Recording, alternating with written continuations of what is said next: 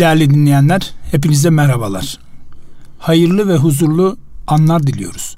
Erkam Radyo'ya ve Bakış Açısı programına hepiniz hoş geldiniz, şerefler verdiniz. Bugünkü misafirimiz Basın Yayın Birliği Genel Koordinatörü büyüğümüz Yavuz Selim Tekne abimiz olacak. Hocam hoş geldiniz. Estağfurullah. Hoş bulduk. Teşekkür ederim. Nasılsınız? İyisiniz inşallah. Çok teşekkürler elhamdülillah. Sizler nasılsınız? Elhamdülillah bizler de iyiyiz.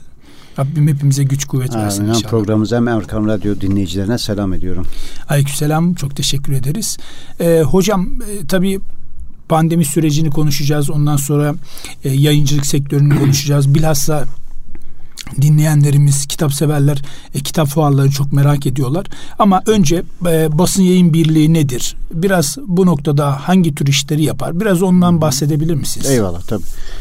1991 senesinde yayıncı ağabeylerimizin e, bir araya gelmesiyle kurulmuş bir birlik. Basın Yayın Birliği Derneği e, tam olarak ismimiz. Hı hı. Basın Yayın Birliği Derneği e, üyeleri arasında yardımlaşmayı, dayanışmayı, birlikte hareket etmeyi ve bundan güç kuvvet e, elde ederek yayın sektörüne faydalı işler yapmayı amaçlar. Bu açıdan çeşitli organizasyonlar, okuma kültürünün geliştirme çalıştayları, e, çeşitli fuar etkinlikleri yurt içinde ve yurt dışında ve Türk edebiyatını yurt dışında tanıtacak e, nitelikli programlar yapıyor. Bu programların bir kısmı yönetim kurulumuzun yoğun çalışması ve üyelerimizin de birlikte hareket etmesiyle olduğu gibi bazı çalışmalarda da işte İstanbul Valiliği, ondan sonra Türkiye Cumhuriyeti Cumhurbaşkanlığı veya e, Kültür ve e, Turizm Bakanlığı gibi çeşitli resmi kurumlarla da beraber yaptığımız çalışmalar söz konusu oluyor. Bu çalışmaların bazıları sektörle alakalı, bazıları da okurla alakalı. Doğrudan faydası okurların e, sektörden e, müşteri diyebileceğimiz ya da okur diyeceğimiz kişilerin faydasına olacak işlemler. Okuma kültürü çalıştayıyla mesela ne amaçlanıyor? Türkiye genelinde okuma kültürünün artırılması. Bu okullarla da yapılan tarafı var bunun. Okul dışı e, herhangi bir örgün eğitimde olmayan e, diyelim anne babalar üzerinden de yapılan tarafları var. Çünkü ilk emrimiz hepimizin bildiği gibi oku olduğu için bu toplumda oku ve okumak daha önemli. O yüzden okumayla ilgili yapılacak çalışmalarda çok e, kıymetli olduğunu düşünüyoruz. Bu tarafa da yatırım yapıyoruz. Allah razı olsun. Çok Günümüzden. teşekkür ederiz. E, tabii e, pandemiyi konuşacağız ama mesela yayıncılık sektörünün faydasına e, yönelik ne tür projeler gerçekleştiriyorsunuz? E, bu projelerden biraz bahsedebilir Tabii yayıncılık misiniz? sektörünün özellikle e, e, sektöre bandrollü olarak sundukları kitapların tamamı kütüphanelere alınabilir kitaplar. Ne demek bu kütüphane alınabilir? Kültür ve Turizm Bakanlığı yani devlet e, yayın sektörüne destek olmak için Türkiye genelindeki kütüphanelerde kitap sipariş veriyor. Bu kitapları da yayıncılarda sipariş verecek. Yayıncılardan sipariş verirken de bunu yayın birlikleri bizim gibi kuruluşlar üzerinden e, yayıncılara ulaşarak yapıyor.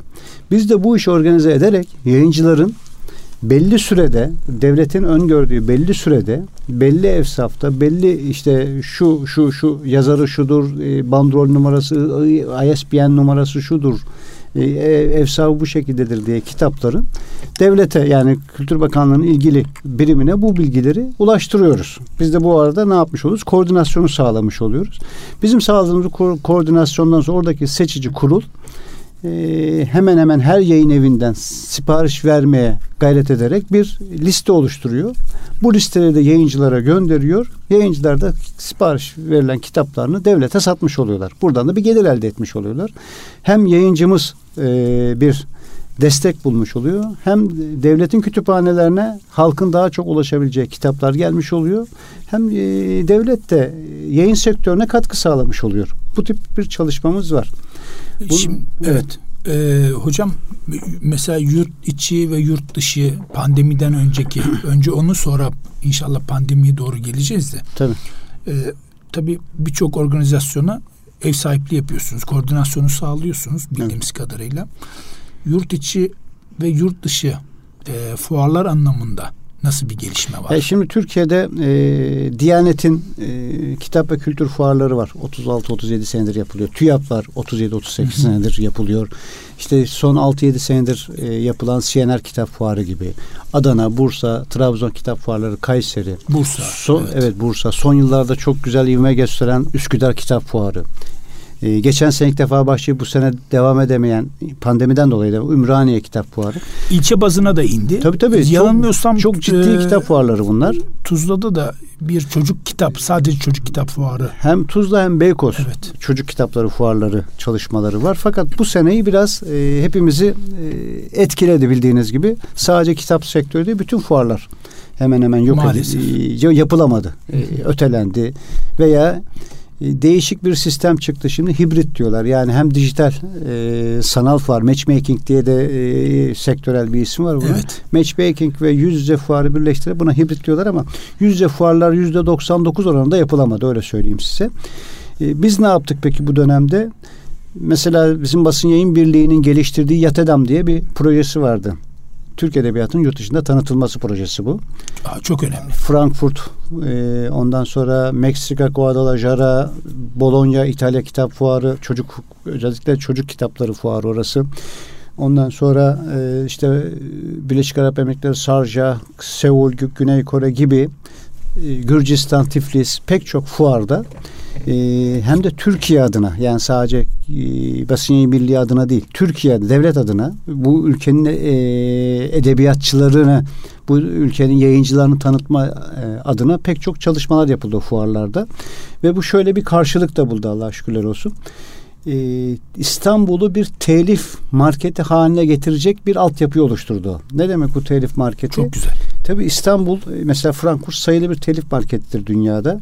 İtalya'da öyle bildiğim kadarıyla. Evet İtalya'nın da öyle bir e, şeyi var. E, şöhreti var. Şöhreti var. E, biz de bunu Türkiye'ye taşımak istiyoruz aynı zamanda. Çünkü Türkiye'de e, tam küresel konumu itibariyle de dünyadaki ticari yapının ilk 17'sinde hatta şu an 15.liğe doğru gittiği söyleniyor ekonomikte.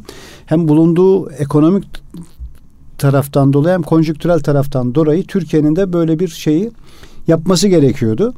E, hatta şöyle bir şey söyleyeyim ben size. Türkiye dünya ekonomisinde 17. sırada ama Türk yayıncılığı dünya e, yayıncılık sırasında 11. sırada. Böyle de bir güzelliği var. Yani şu an ülke ekonomisinde önünde gidiyoruz. O zaman yani birincilik neden ee, olmasın? E, tabii şeyde de ilk konu başlığı, ilk yeni başlık açmakta da e, İtalya'yı geçtik. Fransa ile şu an başa baş gidiyoruz. Çok şükür. İlk 6 ilk 7 ülke arasına girmeye başladık Allah'a şükürler olsun. Yani Türk yayıncılığında aslında çok büyük gelişmeler var bu açıdan. Çok sevindim açıkçası. Kesinlikle sevindirici haberler ve bunu inşallah İstanbul'da bir telif marketi haline getirerek taşlandırmak istiyoruz. Ee, bunun çalışmalarından bir tanesi Yatadam'dı. Şimdi bir tanesi Turla, bir tanesi Fellowship çalışmaları var. Bu tip çalışmaları organize ediyoruz. Onlara tek tek değineceğiz anladığım kadarıyla program içinde ama ben çok yakında 17-19 Kasım tarihlerinde yapacağımız için Turla Meetings isimli bir etkinliğimiz var. Ondan bahsedeyim biraz size. Ha, buyurunuz tabii. Türk Literatür Aburat diye e, İngilizce isminden kısaltması Turla. Yani Türk Edebiyatı'nı yurt dışında tanıtma projeleri bu.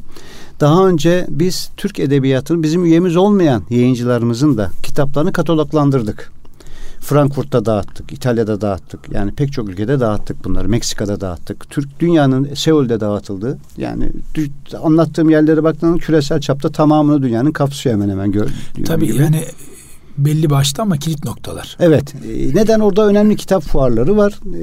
E, Türk Edebiyatı'nda tanıdıkça bu fuarda tanıtmış olsak da bir dahaki fuarda bir network oluşuyor. Orada bir kontak oluşuyor. Sizinle e, temas kurmak istiyorlar. İlgi oluyor. Hocam ee, Turla Meetings'i konuşacağız ama aklıma şu anda hı hı. şöyle bir soru geldi. Buyurun. Neden Güney Kore, neden İtalya, neden Almanya, neden Meksika? Örnek Hı. olarak söylüyorum. Yani insanlar orada daha mı çok kitap okuyor yoksa yani bir ticari kavram anlamında orayı belli bir noktaya mı getirdiler? Bunun birkaç e, yönü oluyor tabii. Hem oralarda kitap satışının ve okur oranlarının yükselmesi, artı dünya edebiyatıyla e, temaslar kurmaları.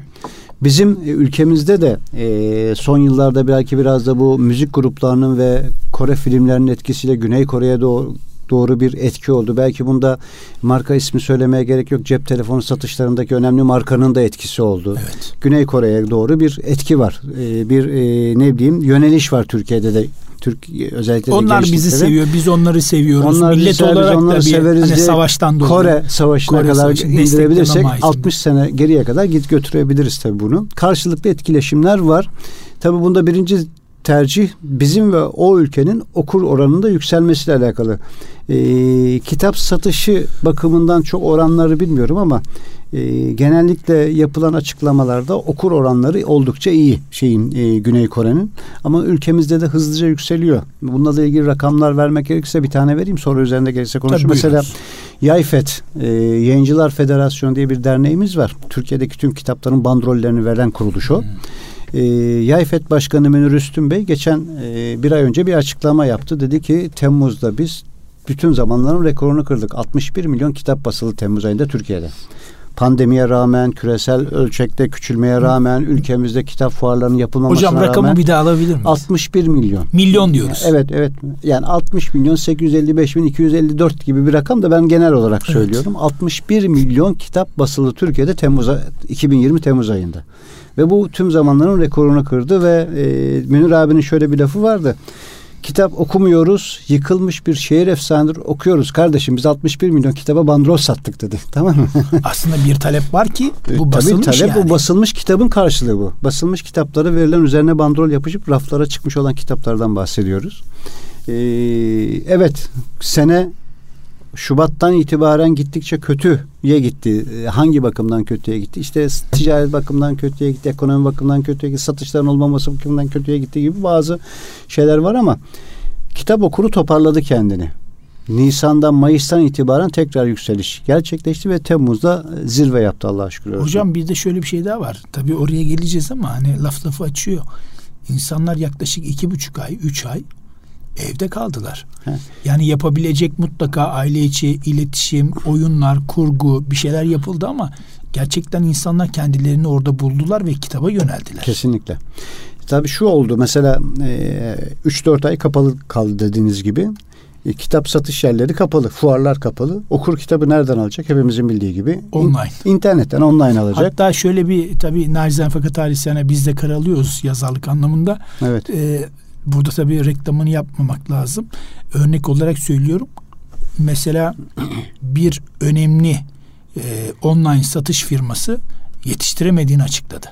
Şöyle açıkladı. Onun biraz Yetiş- da detayları da var evet. bizde mesela. E, dedi ki o firma günlük 15 bin kapasiteli performansa yeti, kapasiteye Hizmet. hizmet verecek performansımız var. Pandemi sürecinde 30 bin talep geldi dedi. Biz bunu kaldıramadık. Biz kaldırabilseydik bir hani diyelim e, eleman artırdık. Çalıştığımız kargo firmaları kaldıramadı dedi. Çünkü birbirine bağlı hocam. Tabii hepsi birbirine bağlı. Çünkü Yani mesela Hatırlayın. ben hatırlıyorum sipariş verdik ya sipariş İstanbul yani başka hani şimdi biz ülkenin başka da, di- başka bir şehri de değil hani çok Tabii, tabii, kıyı tabii. şehirler de değil.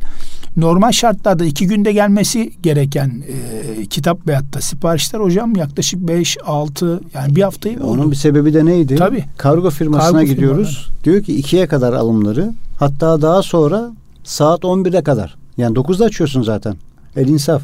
Ama İki adamlara saat. da hak veriyorsun. 2 saat sadece kargo alıyorlar. Yetiştiremedi. 11'e kadar. Neden? Çünkü Hazırlık da değiller. bir yüzlerce binlerce birden artış oldu. Yani kapasitesi birken 10 oldu. Hani 5'ken 7 olsa anlarsın ama birken 10 gibi olunca Aslında Onu- kimse de beklemiyordu. Tabii Çünkü şey pandemi beklemiyor. Süreci buraya öngörülebilecek bir şey değil, ki bu. tabii. Yani e, doktorlar da tabipler de sağlık kurumları da öngöremez. Belki filmleri yapılıyordu ama absürt filmler onlar. Evet. E, ticari açıdan da e, kargo tarafından hem kitap ticaret açısından hem kargoların açısından e, öngörülemeyen bir şey olduğu için bir nevi hazırlıksız yakalandık. Ama Türkiye çabuk toparlandı Allah'tan. Neden? En azından altyapısı vardı. E, kitap satışında da online hizmetlerde de Türkiye'de çok gelişmiş e, kargoculuk yapısı var. Artı PTT var biliyorsunuz. Yani Evet. kargolar Türkiye'de yetişemediği yerlerde ben Sivaslıyım mesela Sivas'tan örnek vereyim yanlış anlaşılmasın. Hafin Çınarlı köyüne kargo gitmiyor. Mesela X kargo gitmiyor. Fakat o köydeki muhtara PTT mutlaka ulaşıyor. Şimdi köy muhtarına ulaşan bir şeyin o köydeki insana ulaşmaması mümkün değil. Zaten köy belli yani. köy belli, belli tabii. insanlar Herkes birbirini tanıyor. tanıyor. Muhtar zaten herkesi tanıyor. Herkes de onu tanıdığı için PTT bir yerde eğer temsilci bulamıyorsa muhtara diyor ki sen bizim temsilcimizsin bu köydeki. Muhtar da buna hayır demiyor. Devletin adamı. Bir de devletimizin en önemli kurumlarına Evet, bir de, yani bir de son, son dönemlerde de ciddi anlamda da bir gelişme var. Güneydoğu'dan PTT tabii anlamında. Hakkari'ye gidin. Çok iyi. kuzeyden e, Artvin'e gidin, Edirne'ye gidin ya da Marmaris hangi uçta olursa olsun mutlaka PTT'nin ulaşması var. Kargo şirketleri de bunu iyi beceriyor. Kendi ulaşamadığı yerde PTT'ye veriyor. Yani aslında Türkiye'de online yapımız var.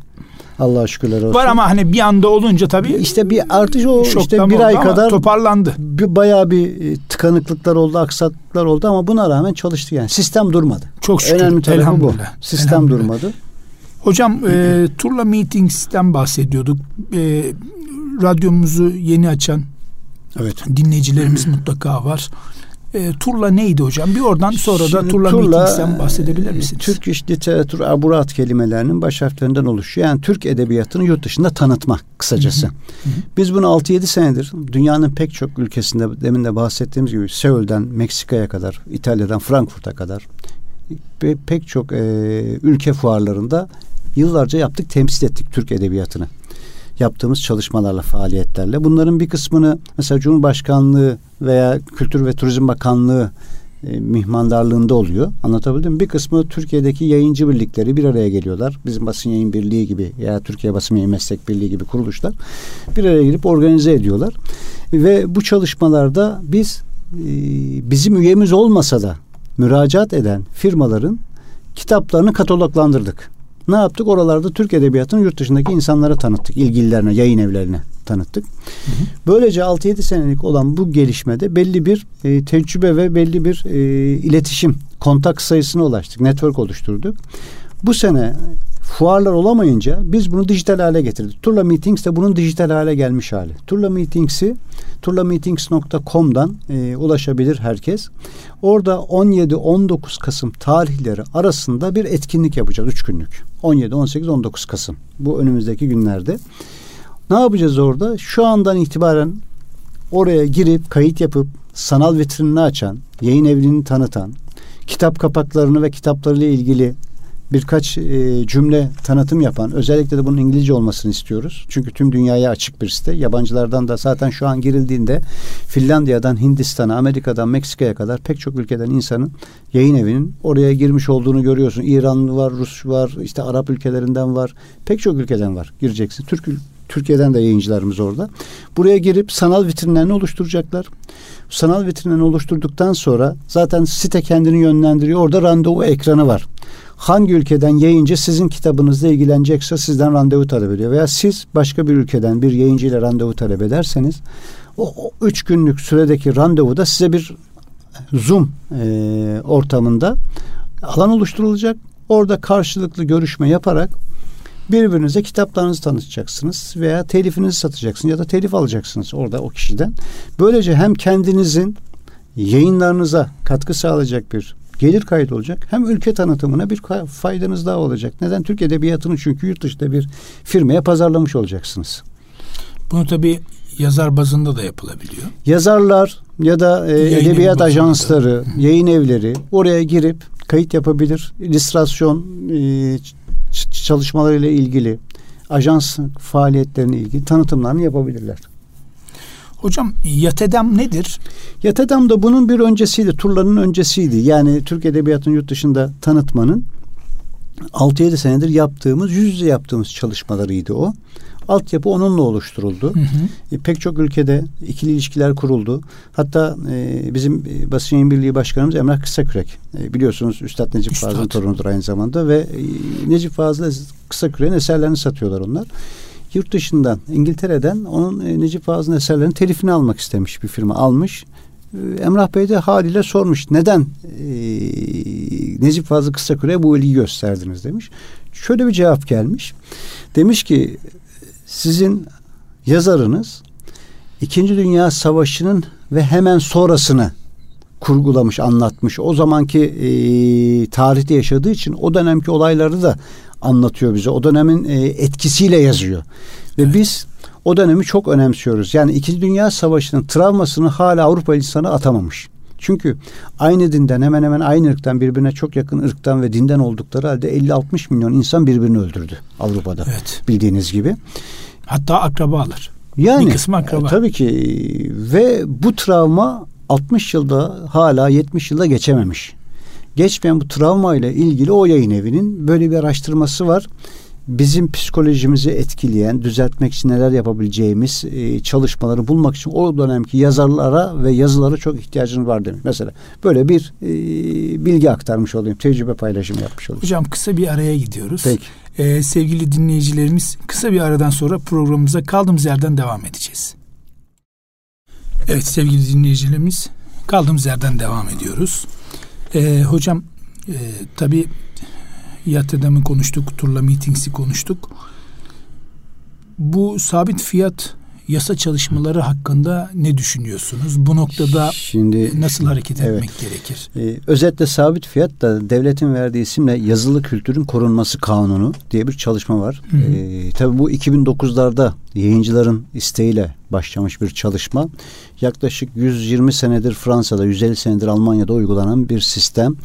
Kısaca sabit fiyat nedir? Öncelikle ona bahsetmek lazım Tabii. o zaman. Şu var. Sabit fiyat bir kitabın yayın evinden basıldıktan ve raflara çıktığından itibaren bir etiket fiyatı konması ve e, pazar yerlerinde de pazar yerleri dediğimiz online satış yerleri. Pazar yerlerinde de kitapçılarda da marketlerde de yani nerede satılıyorsa aynı fiyattan satılması Peki bu ne kazandıracak? Okur yüzde elli indirimle, yüzde otuz indirimle, yüzde yirmi indirimle karşılaştığı yerler nasıl olacak diye. Tabii bunların hep altyapısı yapılıyor ama şu var. Aslında kitabın fiyatı şu anda ne yapıyor yayın evlerinin bir kısmı? Ee, belli bir indirimle büyük firmalara veriyor. İşte bildiğiniz online satış yerleri. Hı hı. Onlar da belli bir indirimle okurlarına satıyorlar. Fakat bu yayın sektörünü şöyle öldürebiliyor. Kimin pastada daha büyük bir sermayesi varsa hele de daha sermaye bakımından e, kısıtlı bir yayın evini zorlayarak yüksek indirimler alarak ekonomik dengesizliğe yol açıyor satış fiyatları bakımından. Bu da ne oluyor? Ee, o yayın evinin bir müddet sonra zaten çalışamamasını. Başka... Tabii adalet olmuyor o zaman tabii. Ee, tabii ki olmuyor. Istemez. İşte bunu yıllar önce yurt dışındaki büyük firmalar görerek başlamışlar bu tip çalışmalara.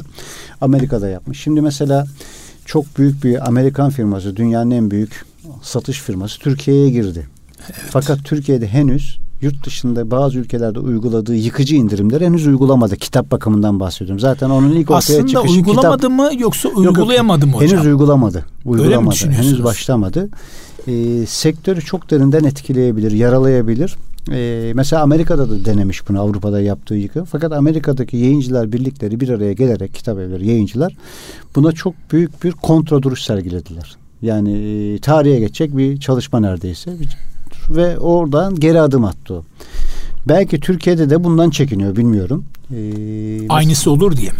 Olabilir. Çünkü böyle olduğu zaman hem kendi e, kitap satış prestijini düşürür o. Der ki diğer beyaz eşyayı da cep telefonu, elektronik eşyayı satmaya devam eder ama kitap satış prestiji olmayabilir, kalmayabilir onda o zaman. Anlatabildim mi? Çünkü... Ben de açıkçası güzel bir yere değindiniz. Girdikten sonra ben bekledim ne yapacak diye. Evet. Çünkü az önce verdiğiniz örnek önemliydi. Tabii, tabii. Amerika'da ve Batı'da dedim Biz, ki ya Türkiye'de neden bu girişimi yapamadı? Hmm. Yani ciddi anlamda kitaplardaki indirimler çünkü her tarafı etkileyecek. Evet. Ama doğru bir şey değil o aslında. Hı-hı. Tamam. Hı-hı. Ee, bazen biz tüketici tarafından bakalım. Biz aynı zamanda birer okuruz bildiğiniz gibi. Sen de iyi ciddi bir okursun. Ben de iyi bir okurum. Ee, kitap okuyunca kitap satın alacağımız zaman tabii çok ekonomik, çok düşük fiyatlarla almayı önemsiyoruz. Çünkü e, çok tabii, kitap aldığımız çok için. Kitap Anlatabildim için. mi? Ee, ama e, bu bir sonraki adımda benim aynı kitaba, aynı çeşitteki kitabı daha yüksek fiyattan ulaşmama sebep olacak. Neden? Çünkü o kitapları üretecek firmalar ortadan kalkacak zamanla. Yani yayın sektörüne de bir zarar verecek bu. Yayın sektörü ayakta kalırsa, yayıncılar daha çok kitap üretirlerse ve yayıncılar daha düzgün satışlara ulaşırlarsa tabii ki karlılıkları da artacak. E, adetler de artınca fiyatlar da çok yükselmeyecek. Tabii o Böyle, belli bir Böylece seviye. okur her zaman e, belli bir miktarda kitap olacak. Şimdi Türkiye'de kitap fiyatları 20 lira, 30 lira aralığında Anlatabildim mi şu an? E, ama Avrupa'ya bakıyorsunuz 8 euro mesela. E, 65-70 lira aynı kitap. Ha diyeceksin ki onun ekonomik yapısı senin ekonomik yapına aynı değil ayrı bir konu. Ama satış adetleri de çok fazla. Bir de oradan düşündüğün zaman satış adetlerine baktığın okuru zaman da fazla açıkçası. okuru da fazla daha düşmesi lazım. Bir de o açıdan bakmamız Ama lazım. Ama düşmüyor. Düşmüyor. Ee, Ama neden? hocam bir şey söyleyeceğim. Şu, şunun da etkisi var Buyurunuz. tabii. Estağfurullah. Ee, yayın evlerinin hem e, okura çok nitelikli ürünler e, hazırlaması, çevirmenin e, ücretini çok iyi takdir etmesi, yazarın telifini çok iyi ödemesi de söz konusu. Bu tip tarafları da var tabii yayıncılık dünyasının. Sen aynı zamanda bir yazar olarak bunu yaşıyorsundur. evet. Ben ki, henüz kitap çıkartmadım ama dergilerde ve çeşitli internet sitelerinde yazılarım yayınlanıyor. Yani yazar olarak daha iyi anlayacağını tabii, düşünüyorum. Tabii daha insanın hoşuna evet. gidiyor tabii. E, ama çevirmenler var mesela e, aynı zamanda. Çevirmen de bir hak sahipliği var.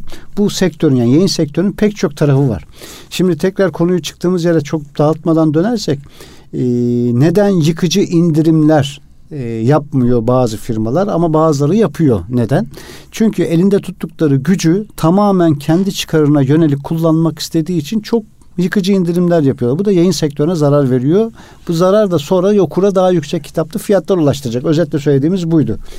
Bunu yok edecek çalışmalardan bir tanesi de senin sorduğun ilk soru. Sabit fiyat nedir, neden yapılmalı? İşte sabit fiyat bunları sağlayacak. Neyi sağlayacak bize? Yazılı kültürün korunması kanunu devletin verdiği isimle. Yazılı kültürün korunması kanunu bir e, yayın evinin ciddi bir şekilde o yıkıcı indirimlerden korkmadan çok büyük sermaye güçlerinin o sermaye gücüyle daha kısıtlı bütçesi olan yayın evlerini zora sokmadan e, ben yayıncıysam eğer yayıncı olarak daha ciddi eserlere yoğunlaşabileceğim. Ee, yazarımla daha iyi ilgilenebileceğim. Çevirmenimle daha rahat ilgileneceğim. Daha ciddi telifler ve haklarını ödeme konusunda daha rahat hareket edebileceğim. Dolayısıyla da okura nitelikli ürün çıkartacağım. Bu nitelikli ürün çıkarttığım zaman da hem okur kendini geliştirmiş olacak hem sektör gelişecek. E, peki e, online satış siteleri kapansın mı? Yok. Nasıl kapansın? Pandemide bizi ayakta tutan yani yayın sektörünü ayakta tutan şeylerden bir tanesi de e, online, online satış satıştı. Tabii bir tanesi devletin kısa çalışma ödenekleriydi. İşte mücbir e, Sebep. sebepli olan e, yayın sektörlerden diye gördü yayın, yayın sektörünü diye devletin destekleri oldu. Bu kesin bir can suyuydu. Ama bir tarafı da ayak tutan şeylerden bir tarafı da online satışlardı. Şimdi online satış olmasın demek doğru bir şey değil. Bugün e, cep telefonundan yatağa kadar yani gömlekten e, evdeki tüm eşyalara kadar her şey online satış alıbı. Hatta dünyanın öbür ucundan getirtebiliyorsun. Amerika'dan sipariş veriyorsun, Çin'den veriyorsun, Türkiye'den yurt dışına satabiliyorsun. Böyle bir ortamda online satış olmasın diyemez hiç kimse. Demez, demez de zaten. Fakat gücü elinde tutanların bu elinde tuttuğu gücü falanca sektöre karşı yıkıcı şekilde uygulaması doğru değil.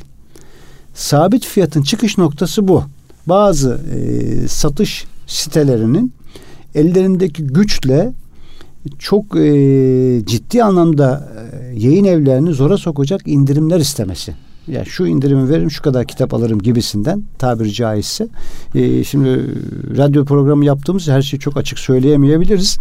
E, doğru olmayan bir hareket olduğunu düşündüğü için yayıncılar adının yazılı kültürü korunma kanunu olan kısaca sabit fiyatın çıkması için yoğun bir çaba sarf ediyor. Mesela bizim basın yayın birliği de diğer yayıncı birliklerle de bir araya gelerek ve yayıncıları bir araya getirerek sürekli bununla ilgili çalışmalar, çalıştaylar, programlar yapıyoruz. Bir kısmını düzenli olarak hem bizim dernek merkezimizde yaptık. Diğer e, kuruluşların merkezlerinde yaptık. Şimdi de Zoom üzerinden online olarak e, yapıyoruz ve bu çalışmalarda des, devletin de çıkartacağı kanun taslağının altyapısını oluşturmaya çalışıyoruz.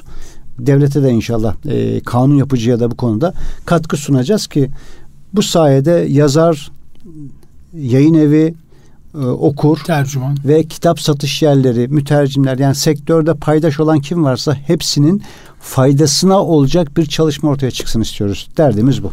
İnşallah hayırlara vesile Eyvallah, olur. Teşekkür ederim. Ee, Sayın Hocam. Şimdi tabii o X firmadan bahsettik ama şimdi metroda, otobüslerde e, zaman zaman haberleri açtığımızda haberlerden hemen önce veya sonrasında da televizyonlarda yine ismini vermeyelim ama e, yurt dışı bağlantılı olan veya olmayan ciddi anlamda üç tane firma benim gördüğüm kadarıyla şu anda işte 9-12 Kasım işte şu günlerde şu ciddi anlamda indirimlerle işte hazır tutun geliyoruz evet. başlıyoruz işte popüler insanları başrollerde oynatarak reklamların dönmesi. Evet evet her sene Kasım ee, ayında yapıyorlar bunu. Evet bu üç firma hocam mesela tamam e, teknolojiden tutun işte çoraba, ayakkabıya, gömleğe, pantolona e, bunların satışı var tamam. Ama reklamların bir tanesinde kitabı da gördüm. Evet. Biliyorum ki onlar da kitap satıyor. Bu üç firmanın yaptığı yıkıcı olur mu olmaz mı? Kitap konusunda bu üç firmanın satış adetleri önemli. Ee, ona bakmak lazım aslında. Hı hı. Ee, şu an rakamlar aklımda değil. Onların da belli bir rakamları vardır mutlaka. Bunu Yayfet dediğimiz kuruluştan evet. alınabilir. Çünkü o bandrol satışlarını verdiği için. Hani şunu demek istiyorum. Bu e, e yurt dışı menşeli olan firmayı hani neden çıkmadı diye derken aramızdaki firmalar da bunu yapıyor ya ondan evet, dolayı evet. Şimdi onların hedeflediği birinci e, sektör aslında biliyorsun kitap değil. Değil evet. Ee, hani geçen e, kitapla ilgili bazı şeyler var. Twitter'dan falan bakıyorsanız görüyorsunuzdur. Özellikle o iki tane e, platformun çok ciddi şu anda Twitter'dan e, ithamlar var onlara. Korsan kitap sattıkları ilgili. Firma direkt kendi satmıyor da hani satıcıları da orada yayınlıyor ya pazar yeri o yüzden deniyor bunlara. X bir kişi kitabını oraya yükleyerek satıyor kitap elinde kitapları. Fakat e, bizim yayın mağaza evleri, anlamında yanılmıyorsam. Tabii, tabii, mağaza, mağaza anlamında kiralıyor, mağaza kiralıyor yaşayın. İşte bazı yayıncı arkadaşlarımızın oralardan sipariş vererek gelen kitapların bandrolünün sahte olduğu ya da o ilgili kitaba değil de başka bir kitaba ait olarak basıldığı yani korsan satış diyeceğimiz hale geldiği e, bununla ilgili önlem alması gerektiğiyle ilgili şu anda bir şey dönüyor e, sosyal medyada. Hatta onlara yazıları gönderildi çeşitli yayın evlerinden, yayıncı kuruluşlardan. Demek bize denk gelmediği için. Ee, inşallah denk gelmesin tabii. Çünkü bu ilginç, e, hem hak ihlaline sebep oluyor. Tabii, bir tabii. kere yayın evinin de yazarın da haklarının ihlal edilmesi bu. Çok ciddi bir hak ihlali hem de.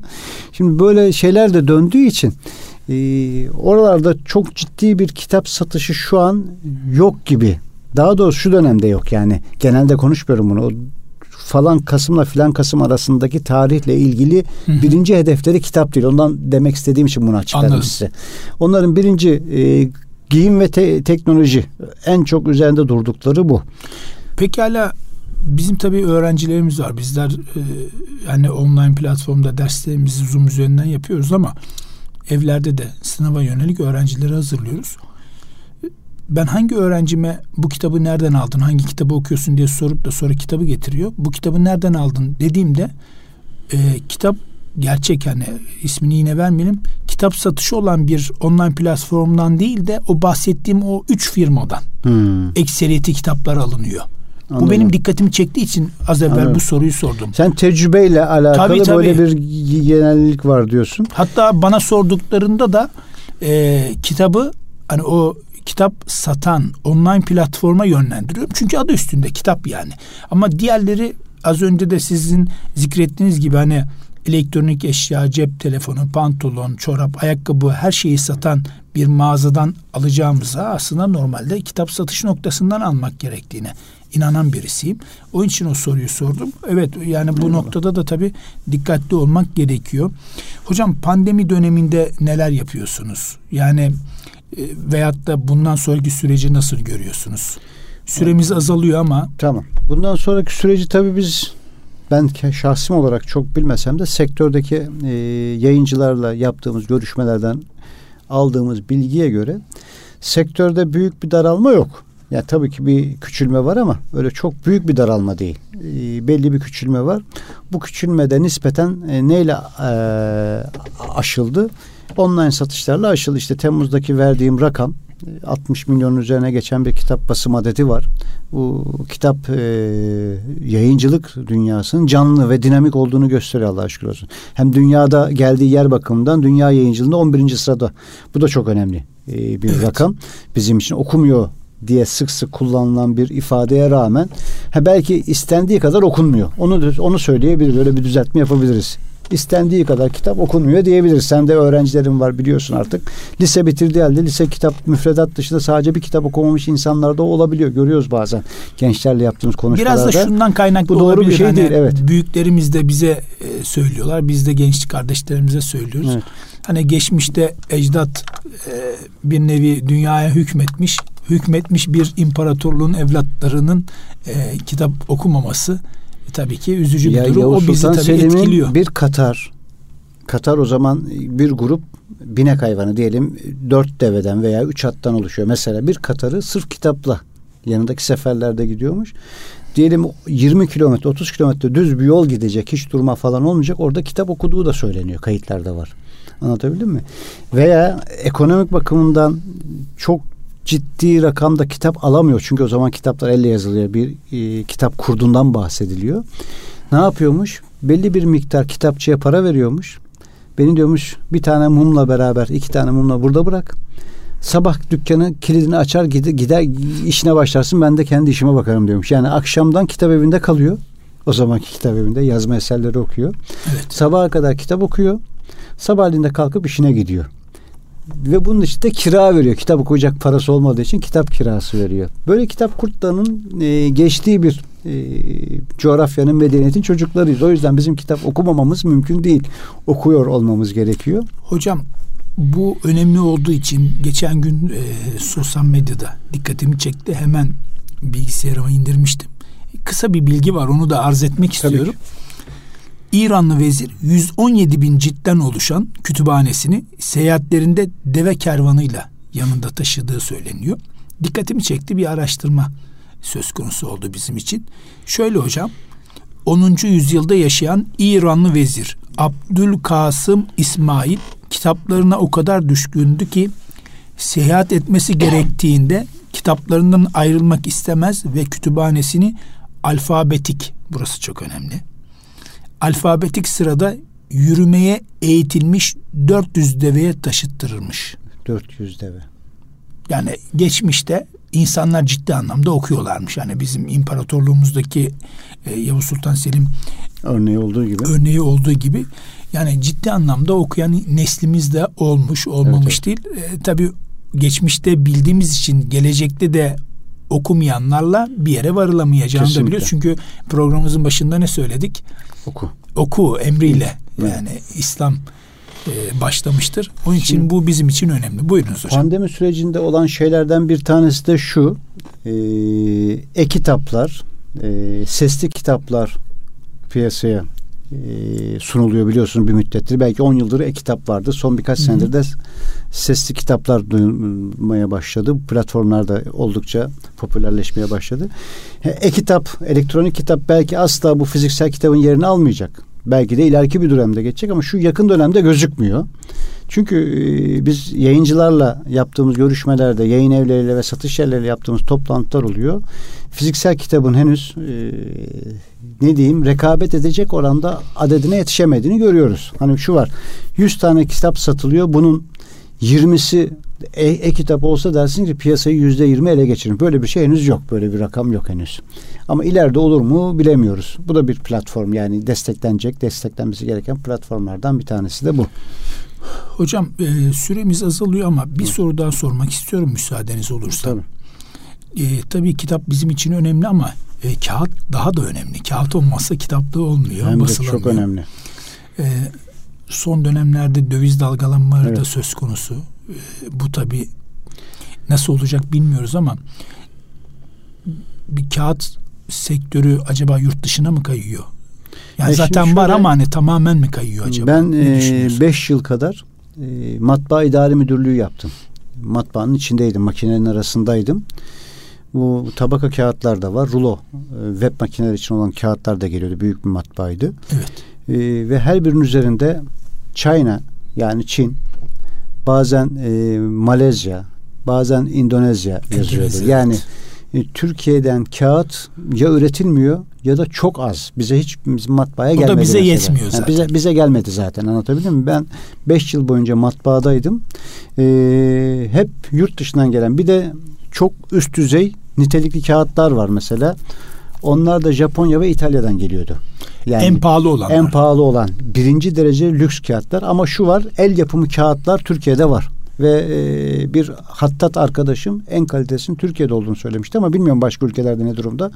O da şundan hattatlık geleneği bize çok yüzyıllardır gelen bir gelenek oldu ve hattatlar kendi kağıdını kendi üretirlermiş. İyi kağıt. Hmm. Kendi kağıtlarını el yapımı kağıtla yaparlarmış bu işi. Tabii ki diğer e, fabrikasyon kağıtlarla da yapıyorlar. Çok kaliteli Tabii. lüks kağıtlar var ama e, hattatların pirleri, ustaları el yapımı kağıtlar kullanıyor. O yüzden Türkiye'deki mesela el yapımı sanatsal kağıt çok iyi diyorlar. Ama şeye endüstriye geçtiğimiz zaman, ticarete geçtiğimiz zaman maalesef hep yurt dışından geliyor kağıtlar ve yurt dışından gelen kağıt da euro ya da dolar bazında geldiği için döviz ve dolarda euroda hareketlenmeler e, çok ciddi bir maliyet oluşturuyor ve bu maliyette doğrudan neyi etkiliyor? Kitap fiyatını etkiliyor. Çünkü bizim yayıncılığın temel e, girdisi kağıttır bildiğiniz evet. gibi. Ve kağıtlarda bu mesela 2018 Ağustos ayındaki dolardaki hızlı bir yükseliş kitap fiyatlarını ve yayın evlerini çok ciddi oranda etkiledi. Ve son işte bu pandemi sürecindeki olan süreçte de yayın evlerini maddi açıdan çok yoğun bir şekilde etkiledi. Bunların hepsi de okura yansıyor tabii haklı olarak. Evet. Keşke e, kağıt konusunda daha düzgün bir şeyler söyleyebilseydim. Evet. Şu an bunları söyleyebilirim. Çok teşekkür ediyoruz. Hocam programımızın da sonuna gelmiş bulunmaktayız. Ee, bize zaman ayırdığınız için çok teşekkür ediyoruz Rica Sayın Hocam. Ee, bir sonraki hafta görüşmek ümidiyle Allah'a emanet olunuz saygıdeğer dinleyicilerimiz.